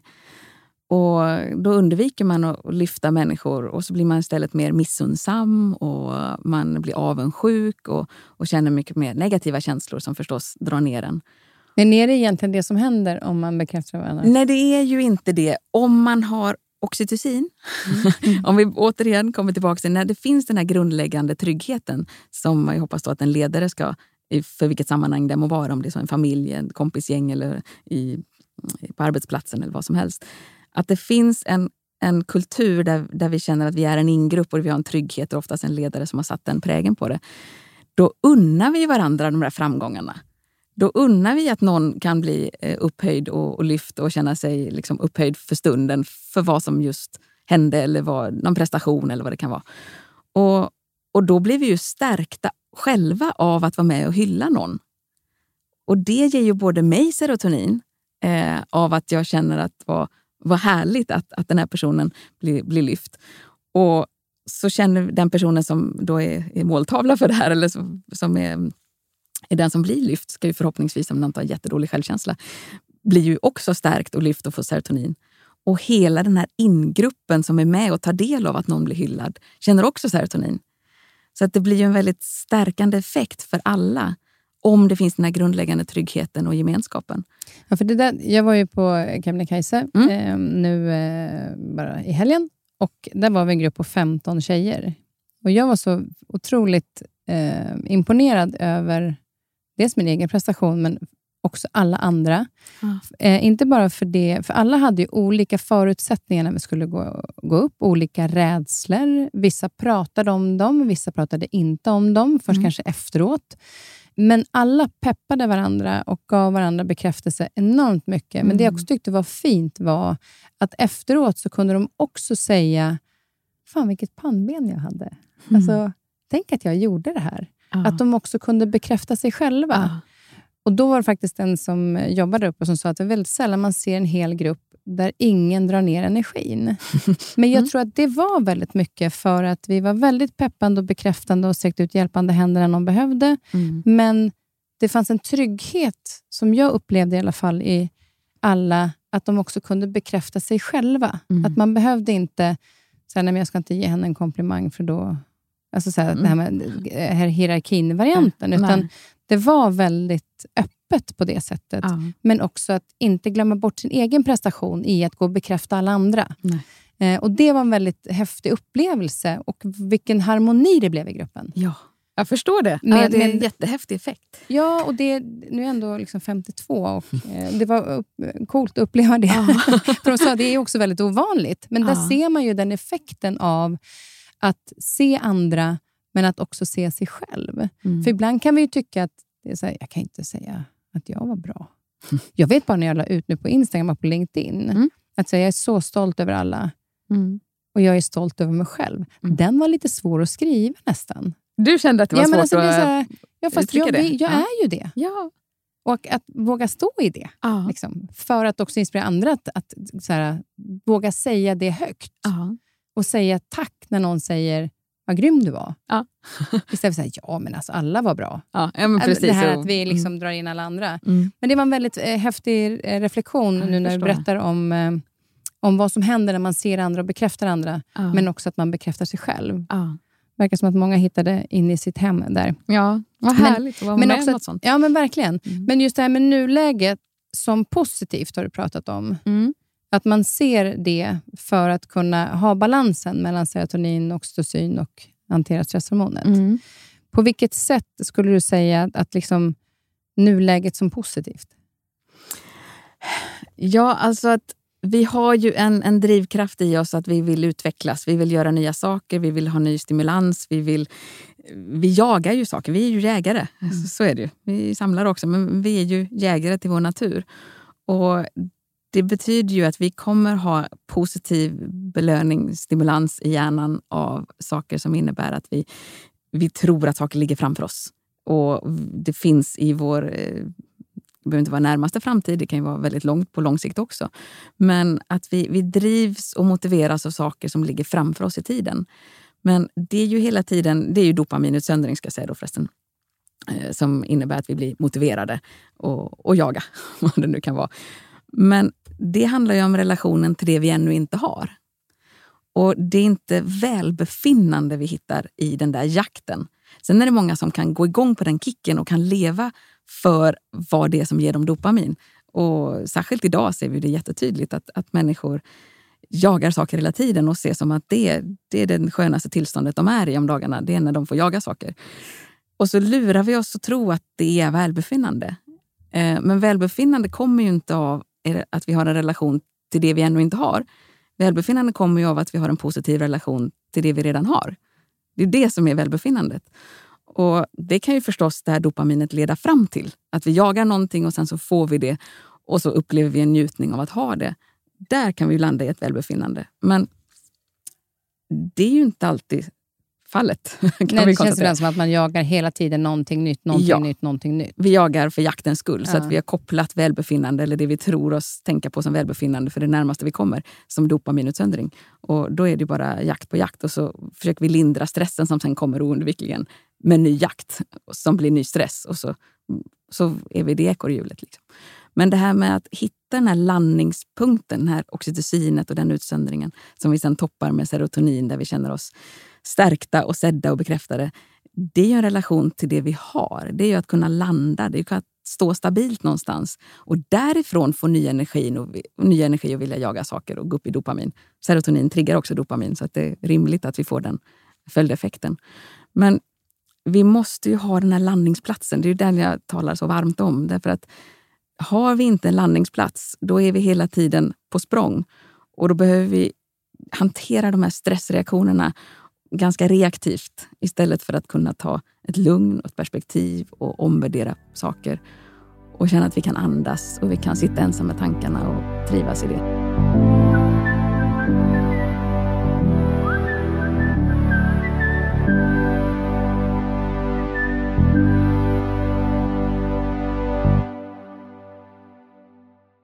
Också då tänker jag om man är ledare i en grupp till exempel, att man pratar ju såklart om kanske mål och det man har för att Mm. ha drivkraften framåt. Ja. Men då vikten att en ledare också eh, landar i det vi har uppnått, Ja. eh, värdesätter den processen vi är i just nu. Ja. Alltså är det väldigt viktigt då i en ledarroll? ja, det är det som bygger Att tryggheten. Ja. Ja. Jag brukar säga det, jag brukar ha fem frågor när jag har ledarskapsutbildningar. Då är det ju fem frågor som vi framförallt vill att en ledare ska kunna svara på. Det här har inte du och jag pratat om förut Nej. tror jag. Nej. Nej, Men man brukar säga att, att vi vill ju veta, jag vill ju om, om jag har en ledare i en sammanhang, i, särskilt om det är stor förändringsarbete och sådär, så vill jag veta av ledaren, vad vet vi? Alltså nulägesrapport, så här, vad, vad vet vi om situationen? Om du uttrycker det för mig så kan vi ha samma verklighetsbild. Liksom, vad vet vi? Det vill jag att min ledare ska kunna tala om för mig och ha den transparensen. Sen vill jag veta också, vad vet vi inte? Apropå det här med sårbarheten, att ledaren kan vara tydlig med att det här vet vi inte. Och så är det. Vi vet inte detta och det, det måste vi kunna vara öppna med att vi inte vet. Så vad vet vi, vad vet vi inte? Tredje frågan är, vad ska vi ta reda på? Alltså då, då känner jag, okej, det här är inte bara oops, vet vi inte det? Och så känner man avgrundsdjup ångest över det. Utan känner att aha, det ska vi ta reda på. Men då så.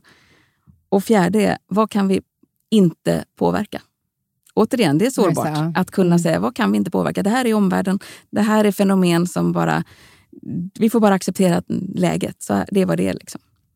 Så vad vet vi? Vad vet vi inte? Vad ska vi ta reda på? Vad kan vi inte påverka? Och sista frågan, vad händer härnäst?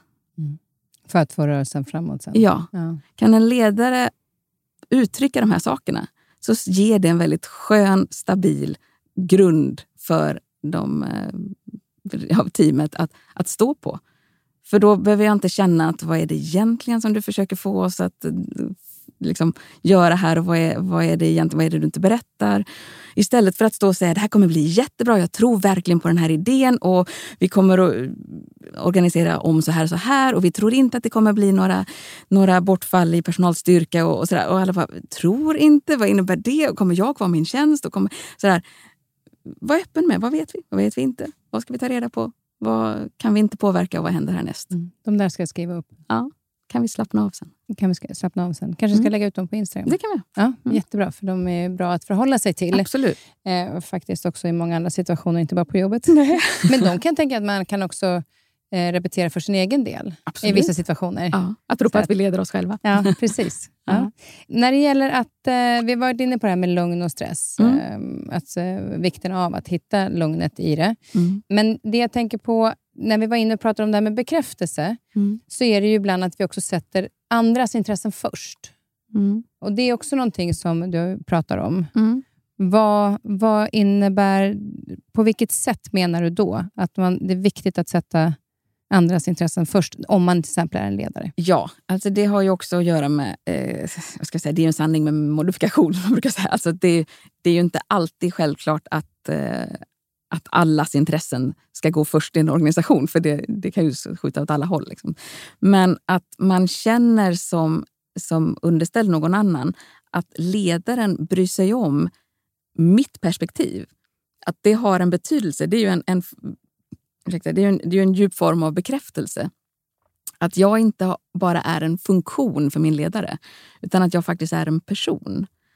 Det gör ju att vad jag tänker och vad jag bidrar med och, och min, min roll här är så starkt knuten till vem jag är som person. Och det har betydelse.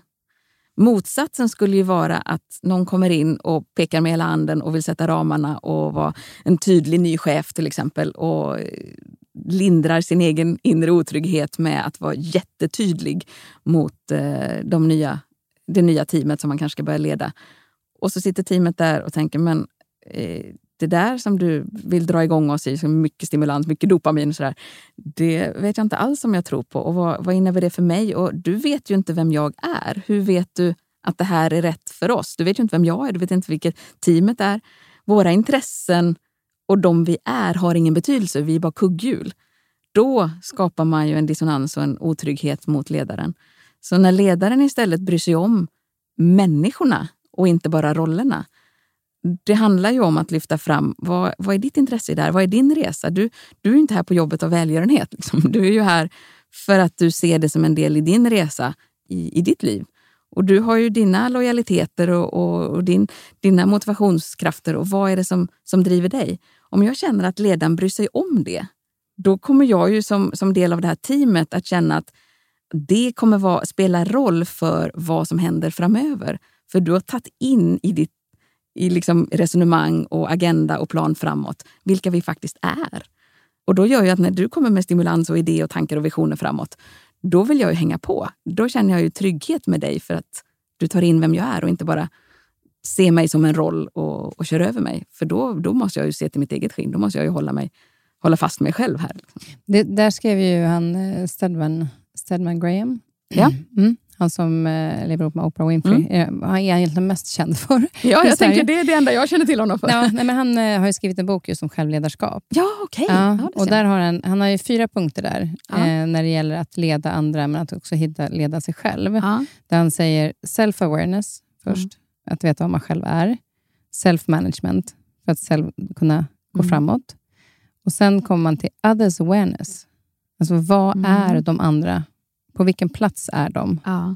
innan man går in på att others management? Ja. För att, Klockrent. Ja. ja, och just här, till exempel, du kan komma till ett äh, möte på morgonen och försöka samla ihop gruppen kanske lite innan. Mm. Att ta en kaffe innan. Därför mm. att någon kanske har eh, tjafsat med eh, tonårsbarn på morgonen. Mm. Någon har älskat på morgonen. alltså vi kommer ju in med olika energier. Ja. Men för att försöka få alla att landa på samma plats och lyssna in. så här, ja, Det här var morgonen, nu är vi här. Mm. Alltså, så att vi alla hamnar på samma plats och landar lite innan man går in i gruppen och ska leda dem. Ja. Alltså att, vikten av att, att hitta dem. Mm. Där blir det ju det här inlyssnandet som du mm. pratade om. Mm. Att lyssna in var gruppen är någonstans, alltså others awareness. Ja. Ett fint uttryck, jag har aldrig hört others awareness, men det, det var väldigt fint sammanfattat. Ja, ja. men den är liksom eh, också så här skönt med punkter, tycker ja. jag, som du tog dina fem. Att det, är så här, det är så lätt att förhålla sig till när, ja. man ibland, när det ibland stormar och man inte vet var man ska gå eller tänka. Mm. Så just det, vilket steg är jag på nu? Mm. Eller har jag missat någonting på vägen? Ramar är väldigt trygghetsskapande. Ja, men exakt. men om du skulle säga eh, vad i ditt ledarskap i livet, vilket skulle du säga är den, det viktigaste verktyget som du använder dig av? Mm. Jag skulle nog haka på Stedman här lite, för jag ser det också ur de två perspektiven som han pratar om. Alltså vi börjar i, i det inre i oss själva. Att jobba för att trivas hemma i mitt eget huvud. Det är ju någonting som, som jag personligen jobbar väldigt mycket med. Jag måste trivas i lyssnandet av mina egna tankar. För det är när jag inte gör det som, det här, som jag tappar kontrollen över, över eh, ja, min inre frid. Liksom.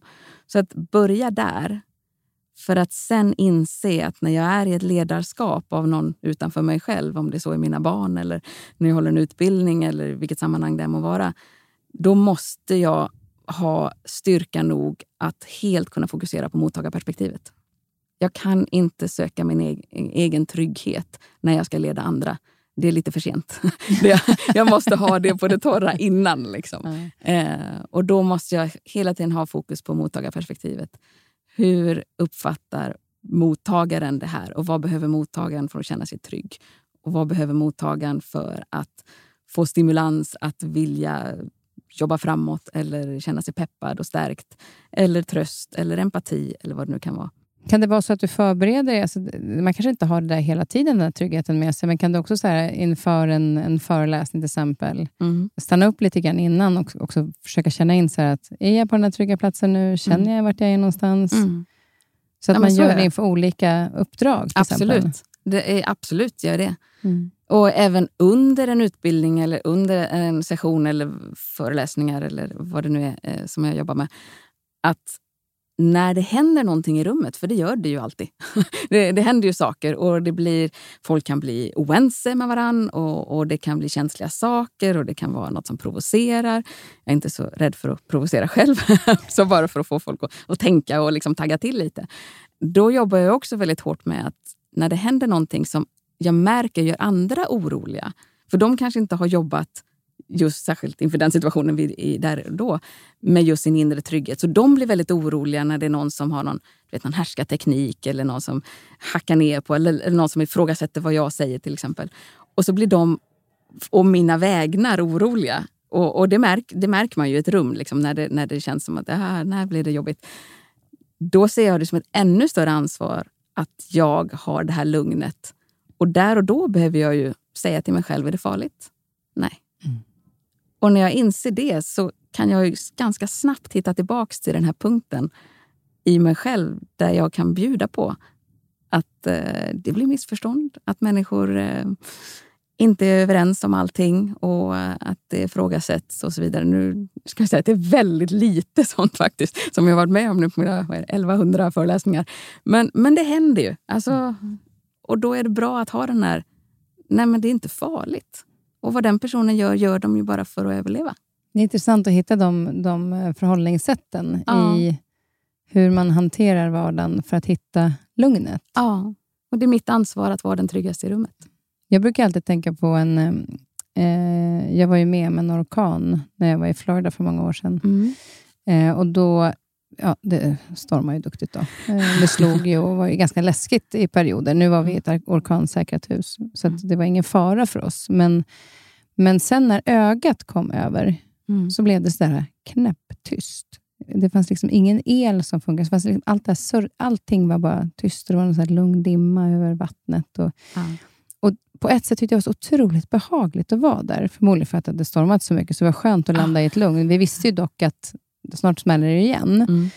Eh, Men då har jag börjat med att visualisera den där när det är mycket, eller det stormar, eller folk blir irriterade runt omkring. Att så här, okej, fast jag står kvar här i ögat Mm. eh, och försöker behålla mitt lugn. Så antingen kan ni hålla på och storma där ute, för jag har ingen lust att gå dit.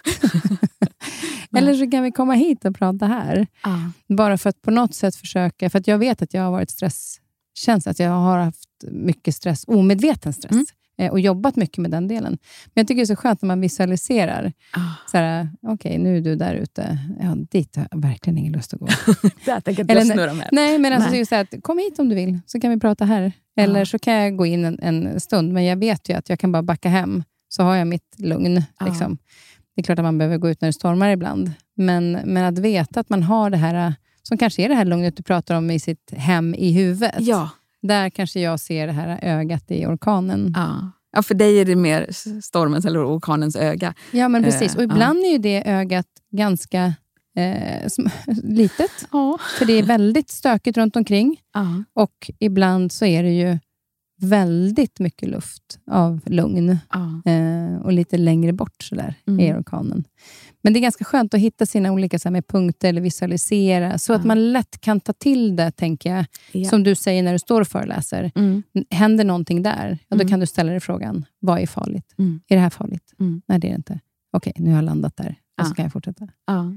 Så hitta sina små, små eh, tankar eller frågeställningar då. Mm. Eh, är det här farligt? Är det en bra frågeställning?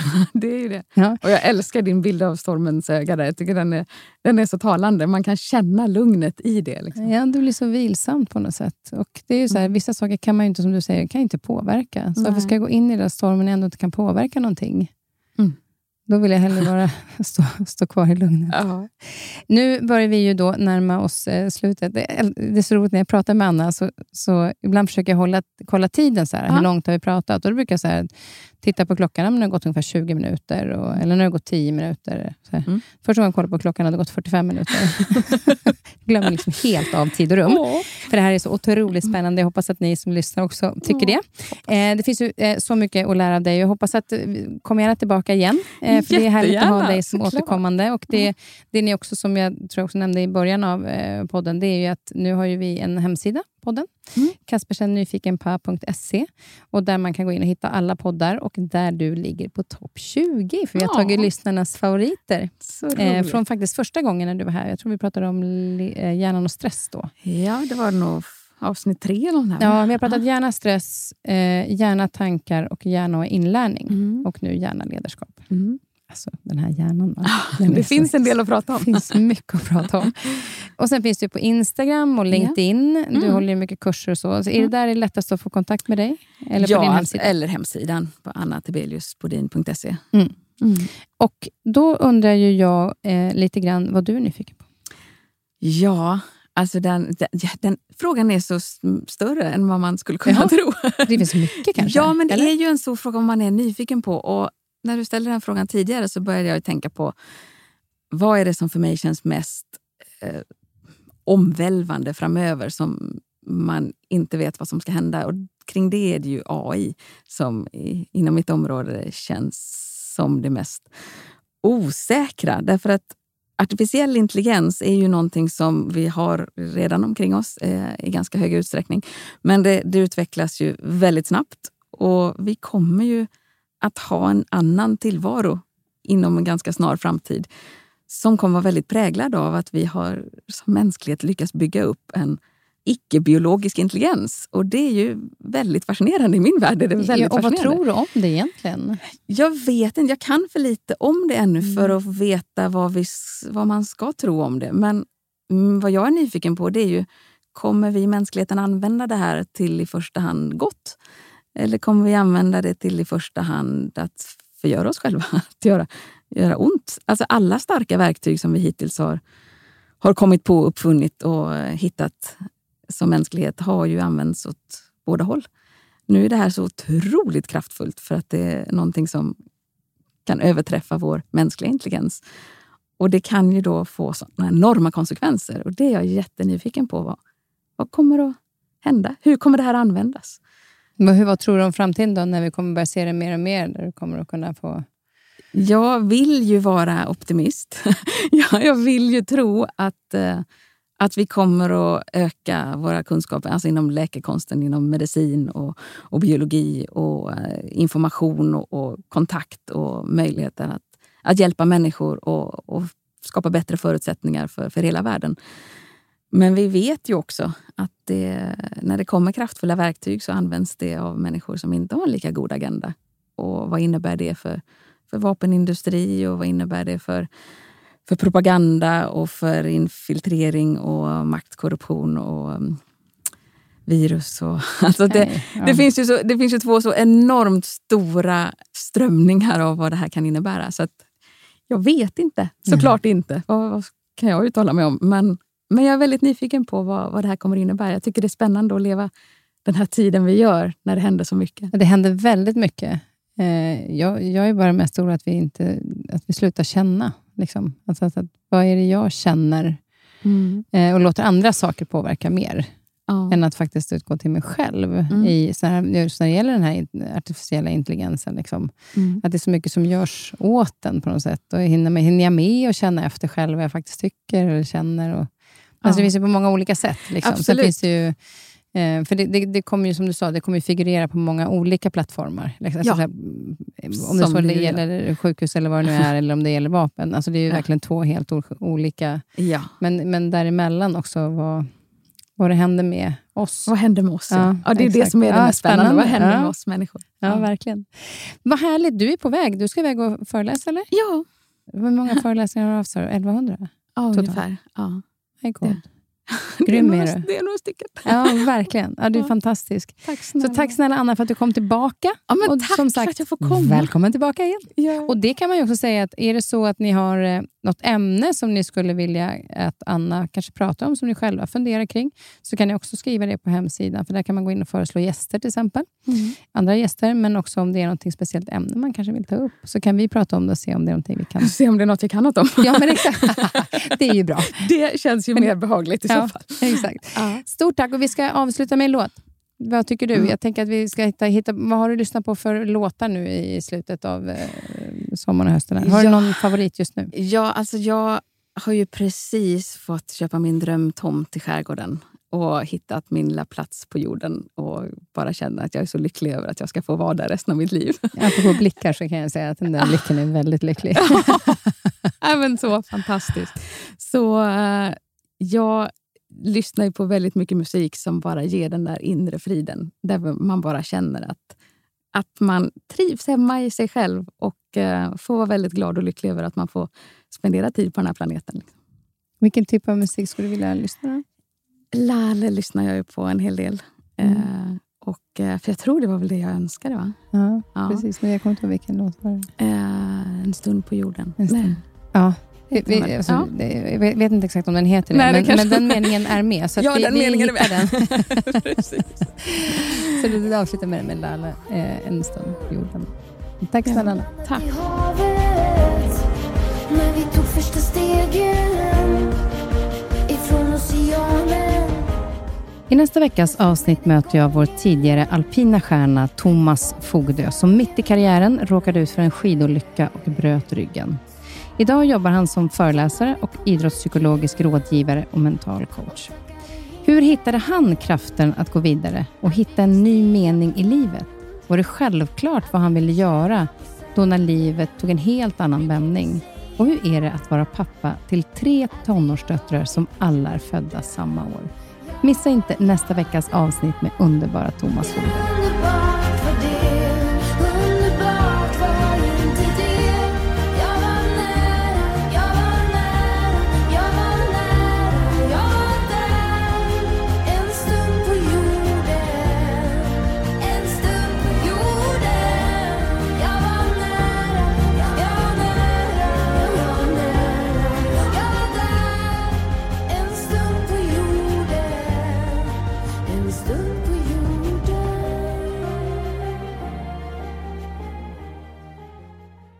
Den här podcasten är producerad av Perfect Day Media.